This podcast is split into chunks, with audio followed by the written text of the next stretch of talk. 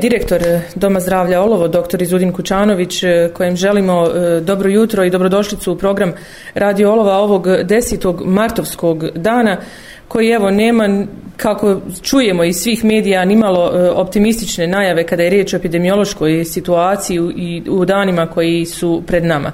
Prije svega, evo, dobrodošli u program Radio Olova. Dobro jutro, hvala vam, Amira, u pravu ste, dakle, epidemiološka situacija u, u našoj zemlji E, nije optimistična. Prisutan je evo već neko vrijeme trend e, svakodnevnog pogoršanja.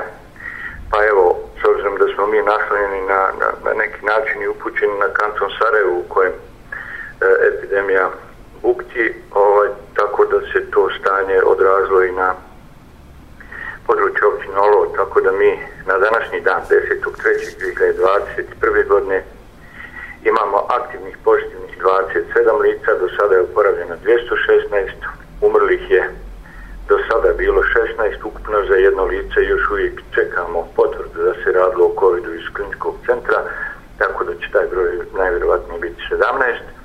U izolaciji se na današnji dan nalazi 78 lica, od čega, do čega je četvoro u izolatoriju u KC Sarajevo.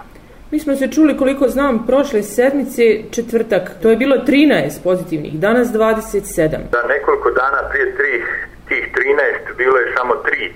Da. Ali onda je došlo do naglog porasta kako se s, demološko stanje u Sarajevu pogoršavalo.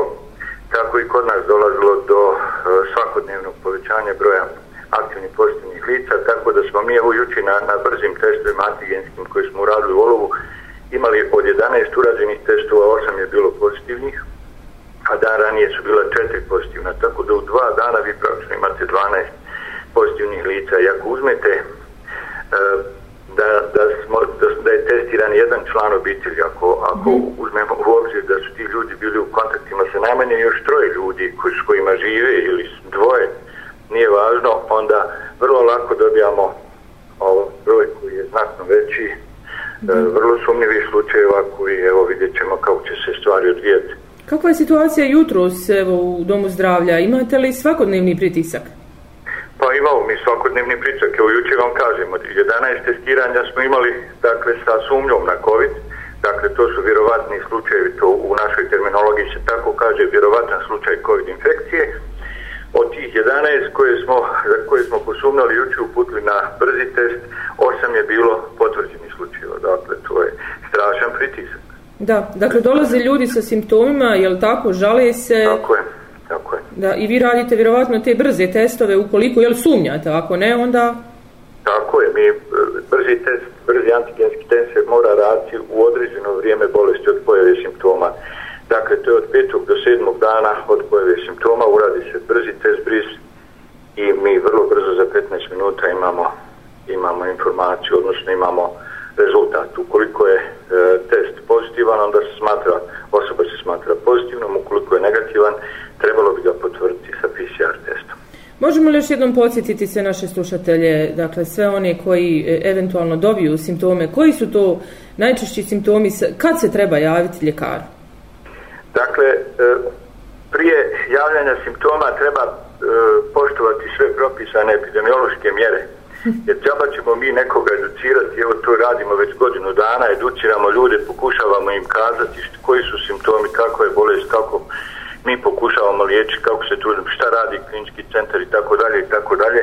Međutim, e, nismo krenuli od prve stepenice, a to je poštivanje epidemioloških mjera, odnosno prekida prijenosa e, virusa u zajednici. Dakle, vi vidite da je bio i 8. mart, vidite svaki put pijacu, vidite da postoji poročna okupljanja i poročna druženja na, na raznim Facebookima što ljudi objavljuju, to je stravično. I ne možemo očekivati da će doći do prestanka epidemije, da će doći do poboljšanja stanja sve dok se, dok se ljudi tako ponašaju. Najčešći simptom koji se javlja, s kojima se nama pacijenti javljaju, jeste povišena tjelesna temperatura, E, koja ne reagira na, na ove klasične lijekove paracetamol e, koji, koji je preporučen da se uzima, on se javljaju nama uz znači, temperaturu, obično ide i e, kod nekih odma već drugi, treći dan gubitak mirisa okusa, uglavnom e, curenje nosa, bol u grlu, bolovi u mišićima, bolovi u zglobovima u kompletnom tijelu, kod nekih starijih i e, poštovanih lica vrlo često prvi simptom COVID infekcije jesu prolivaste stolice, jedna opšta slabost koja, koja sve tu prati. Evo vi kao, kao doktor e, sa evo, godinom dana iskustva sa, sa borbom protiv pandemije, šta preporučujete evo, e, ljudima, e, koliko dugo da se pokušaju nositi jel, sa tim simptomima ili kad je taj ključni dan da vam se javi? Dakle, ka, sad ste sami rekli kad jel, ne reaguje ništa ovo što, što, što mi evo, praktikujemo. Dakle, mi nikoga nismo ograničili. Svako treba da se javi svome lekaru kad dobije simptome, pogotovo ako ima rizičan kontakt.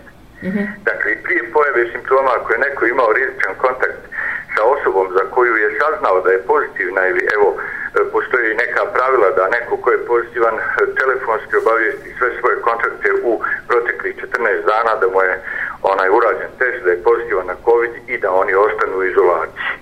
To bi bio neki prvi korak. A onda sa pojavom simptoma pokušati dakle simptome, odnosno povišenu temperaturu e, kupirati sa paracetamolom, sa mirovanjem, sa dosta tekućina, ukoliko to ne ide, telefonski kontaktirati svog poročnog ljekara, dogovoriti pregled i od svoga poročnog ljekara svi će dobiti dakle, adekvatne instrukcije kako postupati u, u ovoj situaciji. Pitam vas ovo iz razloga što ljudi odmah krenu i da, i da stoje u redovima onako bolesni i, i, i sa onima koji čak i nemaju uopšte e, simptome COVID-a. Tako je, tako Tako je, tako je. To treba, dakle, e, telefonski iskoordinirati sa svojim poručnim ljekarom koji pozna istoriju bolesti svakog pacijenta. Na kraju krajeva ima i zdravstveni karton pred sobom kad razgovara s pacijentom tako da može povezati onaj neke stvari koje, koje pacijent navodi i otprilike sa nekom visokim stupnjem vjerovatnoće uh, odrediti kojim putem treba da ide pacijent kako bi, kako bi uh, bilo što bolje. Pitam vas za ove praktične stvari. Evo, godina dana je iza nas. Moramo pomenuti i to da je porodični ljekar izuzetno opterećen i u domu zdravlja, što ovim pacijentima, što COVID pacijentima, vrlo često ni medicinske sestre ne stižu da se javi na taj broj telefona. Imate li eh, sad neki kontakt telefon koji bi možda i njima olakšao? Dakle, naši standardni brojevi telefona, rekli smo onaj 122 ili 825, 165 je broj telefona koji se može svako javiti, njegov poziv će biti mm -hmm. evidentiran i bit će prosleđeno poručenom ljekaru. To govorim o periodu dana u kojem ne radi poručna medicina. A u toku dana, znači kad radi poručna medicina, svi pacijenti znaju brojeve, odnosno lokale da, da. svojih poručnih ljekara na koji se mogu javiti, savjetovati, zakazati pregled, dobiti precizne instrukcije i upute kako se ponašati. U ovim danima kada je povećan e, jeli, pritisak e, na, na, i na brojeve telefona, jeli, i na trijažni pa, punkt... Ali evo vidite, ja znam neke ljudi koji recimo u Sarajevu, koji, koji nam je uvijek uzor za, za, za naše ponašanje, jer ipak je glavni grad i najviše novca se troši u zdravstvu tu i najveći su zdravstveni resursi tu.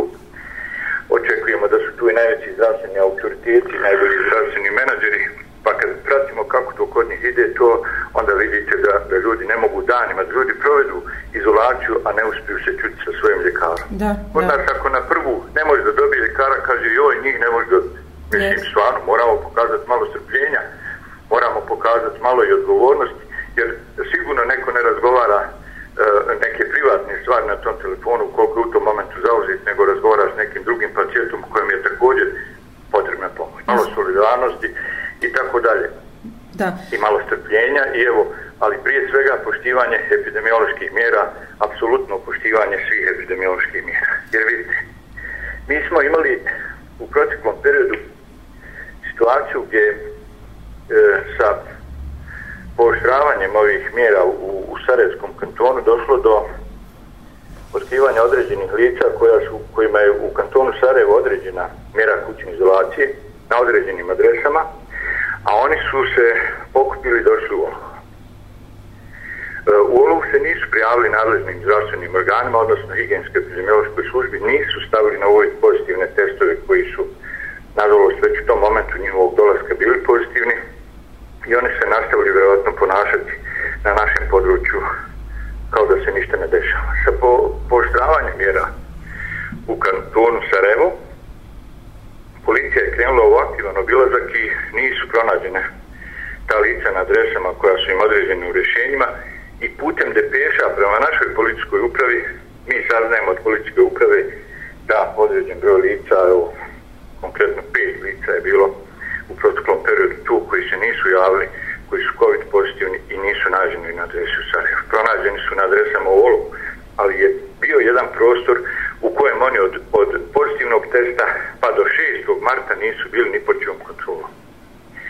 Takvo neodgovorno ponašanje je vrlo opasno, na kraju krajeva to je kažnjivo i po zakonima i to sad šta će nadležni organi raditi po tim pitanjima, ja ne bi da sugerišem, ali samo e, želim da upozorim građanstvo da se da imaju takvih situacija, da imaju tako neodgovornih lica i da i molim građanstvo da za svakoga smatraju da, da ima koronu sve dok se drugačije ne dokaže. Dakle, da, da ne prilazi nikome u neki bliski kontakt, da se e, ne održavaju poručna druženja, da se ne održavaju kafanska druženja, da ono samo što je nužno kupuju onaj, zadrži se samo nužno vrijeme i u tržnim centrima gdje treba kupiti potrebšine i tako dalje. Da, eto, nažalost i takve se stvari dešavaju. Srećom, pa evo, policija radi svoj posao skoro svakodnevno e, na nepoštivanju tih epidemioloških mjera i postoje jeli, kontakti, tako da niko ne misli ako ima, jel, kao što ste sami kazali, pozitivan COVID nalaz,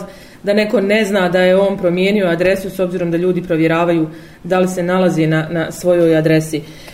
E, htjela sam vas... Da, evo to u posljednje vrijeme u, u Sarajevu se to u kantonu Sarajevo su te mjere poštene, vrlo poštene, e, izreću se kazne, ljudi se obilaze više puta dnevno i tako dalje, tako da, da sa takvim pristupom od strane policijskih organa možemo očekivati neke rezultate s obzirom da sve ono što se ostavi ljudima da radi po svojoj savjesti, da oni to radi isključivo onako kako njima lakše, ne? Da.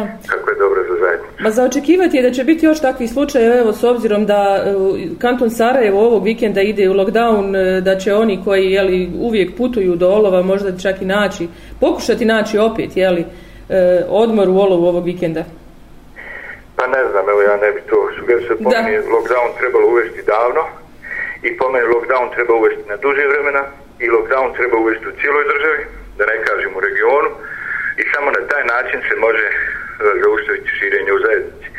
Ako vi pustite to samo dva dana i kažete evo mi ćemo subotu, nedelju, nećemo da radi tržni centri to, a oni ponovo rade u ponedeljak, svi oni koji bi bili u subotu, nedelju, bit će ponedeljak ili utorak, tako da je to potpuno bespotrebno i, i ne vidim, ne vidim svrhe. Uh, lockdown je trebalo uvesti najmanje 7 ili 15 dana. Da. Najmanje 15 da. dana. A mi smo evo najbliži Sarajevo i naše stanovništvo je uglavnom upućeno na Sarajevo, tako da je zaočekivati narednih dana vjerovatno i još veći broj e, COVID pozitivnih. Ono što je sada slijedi je vakcinacija. Evo čuli smo juče da su prve doze stigle u Zeničko-Dobojski kanton. Vi bi ih trebali dobiti danas, je li tako?